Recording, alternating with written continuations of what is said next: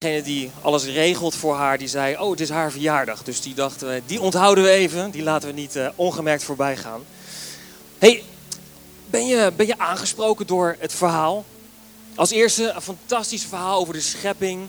En daarna dat je ziet dat Jezus, thanks, waar, waarna, waar je ziet dat Jezus is gekomen en dat Jezus weet je, er voor de mensen is en de mensen naar hem toe trekt. En daarna het verhaal over de kaarsen in de kelder. En ik vind dat toch wel echt een, een heel bijzonder verhaal. Omdat het zoveel vertelt eigenlijk over het plan wat God voor jou heeft in, in jouw leven. Waar God door jou heen iets wil doen. En waar wij vaak nog een beetje aan het zoeken zijn. Weet je, naar, ja, hoe zit dat nou precies? Wat, God, wat wilt u van mij? En zoals het ja, zo fantastisch mooi hier eruit ziet. Weet je, als het echt een, een voorstelling is, het is gewoon kunst wat je hier ziet. Zo mag je weten dat de Bijbel erover schrijft dat ook jij een kunstwerk bent van God. Wist je dat? Er staat in de Bijbel, en er komt geen tekst op het scherm, maar ik wil hem noemen.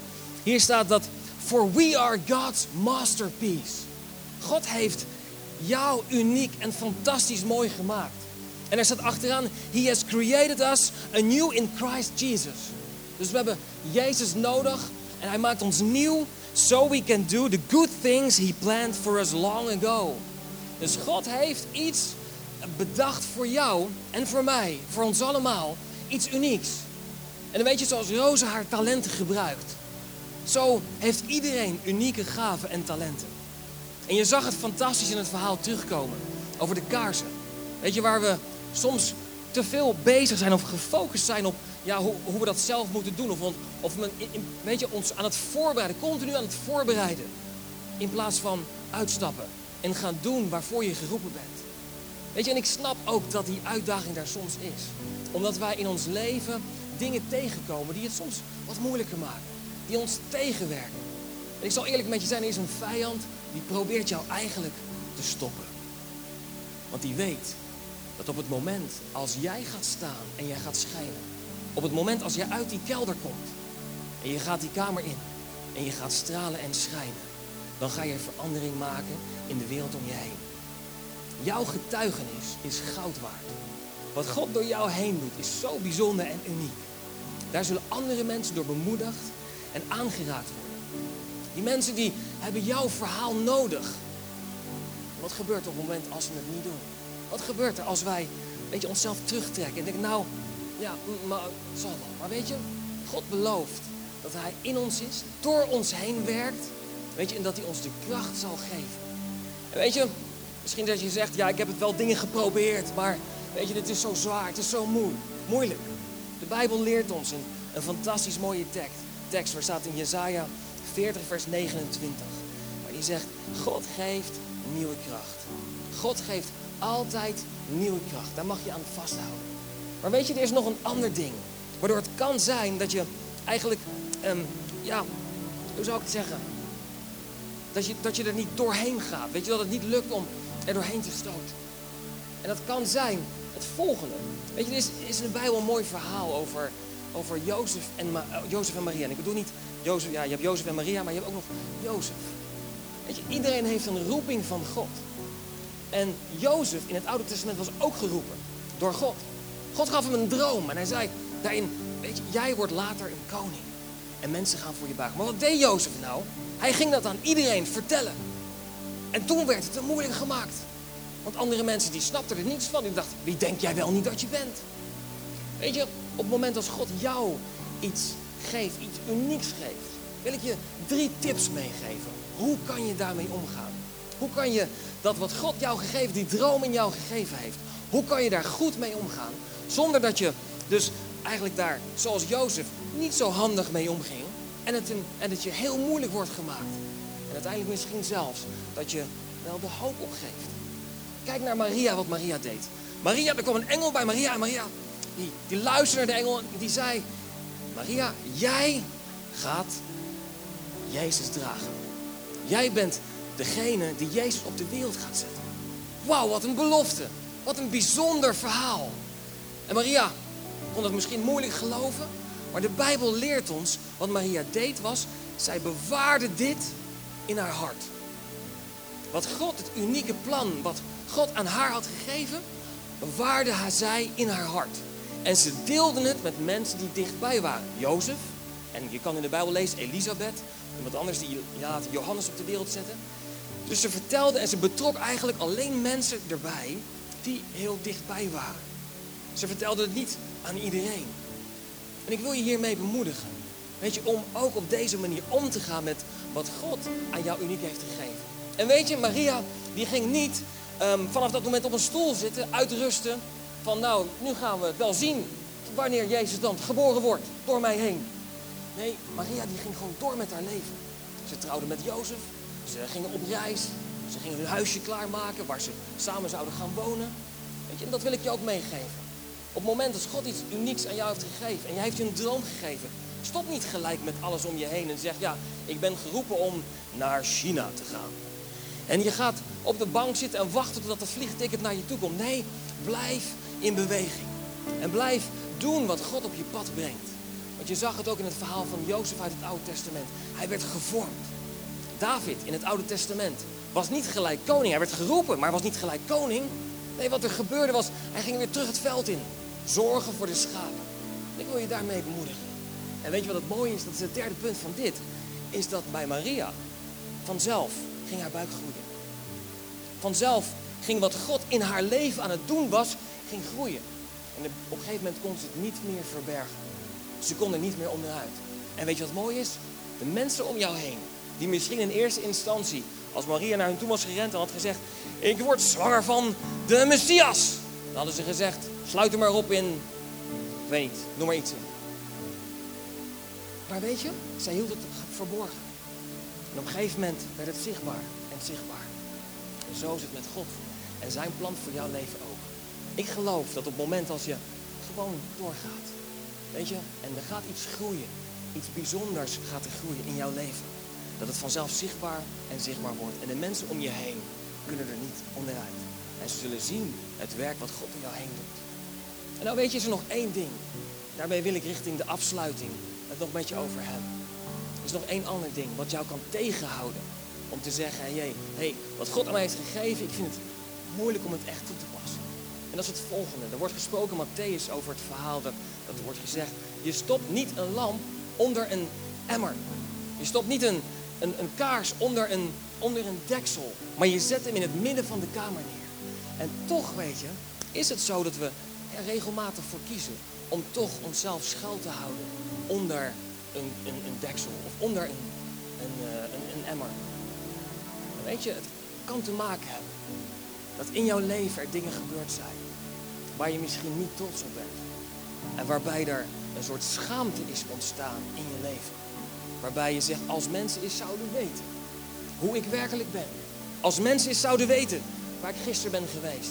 Als mensen zouden weten waar ik naar gekeken heb. Of wat ik vroeger heb gedaan. Als je dan zegt van nou, ik blijf daar ver van weg. Ik wil daar iets mee te maken. Dat is, dat is voor mij te spannend. Maar weet je, ik wil je vandaag een boodschap van hoop meegeven. Want weet je, er is een verschil tussen schuld en schaamte. En schuld gaat over, wij hebben af en toe dingen verkeerd gedaan. Als je boos bent geweest op iemand onterecht, als je harde woorden hebt gebruikt, misschien heb je iemand geslagen ooit, of weet je, misschien heb je iets gestolen, of vul maar in. Wij in ons leven zijn geen perfecte mensen, wij maken fouten. Maar er is één ding. Op het moment dat je zegt, ja, klopt, heb ik gedaan, sorry. Wil je mij vergeven dat ik dat gedaan heb? Dat is dat je gewoon schuld bekent. Je zegt, oké, okay, is oké. Er is een ander ding met schaamte. En schaamte zegt niet zozeer over wat ik heb gedaan, het spijt me. Maar schaamte zegt, het spijt me voor wie ik ben. Dat is wat schaamte doet. En weet je, hier zit de vijand eigenlijk zo graag mee te spelen. Je zag het pas in de politieke partijen. We hebben gestemd de afgelopen week, tenminste ik hoop dat je hebt meegedaan. En je zag in debatten wat er gebeurde. Je hebt een inhoudelijk argument. En als er inhoudelijk eigenlijk niets tegenover te brengen is, wat er dan gebeurt, is wordt er op de man gespeeld. En dan zeggen ze, ja, jij zegt dat nou wel, maar twee weken geleden, ik weet nog dat jij... En daar komt dan een verhaal uit wat helemaal niets met het politieke argument te maken heeft, maar wat op de persoon gericht is. En daarmee wordt geprobeerd om de persoon zwakker te maken. om het in een negatief daglicht te zetten. lieve mensen, dat is wat de vijand probeert te doen in jouw leven. Hij probeert jouw leven in een negatief daglicht te zetten. En je een schuldgevoel te geven, een schaamtegevoel. Zo ja, als mensen eens wisten. Weet je, maar jij denkt toch niet dat jij, als jij, maar God heeft een mooi plan voor mijn leven. Hij heeft me geroepen om misschien iets te betekenen in de kerk of op mijn werk. Ja, maar als mensen eens wisten dat jij, en daar komt dan iets voorbij. En het kan iets zijn wat heel lang geleden gebeurd is. Of misschien iets van gisteren. Weet ik wil je bemoedigen met het volgende. Jezus is gekomen om je schuld af te wassen. Maar ook om je schaamte weg te nemen. En ik wil je dit meegeven. Dit is zo ontzettend belangrijk. Want als we teruggaan naar het begin. Naar het begin van de Bijbel. Waarin Adam en Eva voor de allereerste keer een fout maakten. En dat ze toch van de appel aten. Je kent het verhaal waarschijnlijk wel. Iedereen kent dat verhaal. Weet je wat daar gebeurde? Adam en Eva die gingen zich verschuilen. Die probeerden zich weet je, achter een boom te verschuilen en hopen dat God ze niet zou zien. Dat is wat er gebeurt als er schaamte over je komt. Het goede nieuws is dat God heeft je schaamte weggenomen. En hij wil juist naar jou persoonlijk toekomen. Als we kijken in de Bijbel en goed lezen wat er gebeurt met Adam en Eva. Het was niet zo dat Adam naar God toe moest komen, weet je, en dan goed zijn best moest doen en eh, nog allerlei dingen. Nee, weet je wat God zei? God zei, Adam, waar ben je? God wandelde door het paradijs, zoals hij dat eigenlijk elke dag deed, samen met Adam en Eva. Hij liep daar en Adam was er niet meer. Hoe kan dit? Normaal heb ik altijd een date met Adam. Denk je dat God echt niet wist waar hij was? Denk je dat God echt niet, niet wist waar Adam was? Tuurlijk wist God het wel. God zoekt ook jou.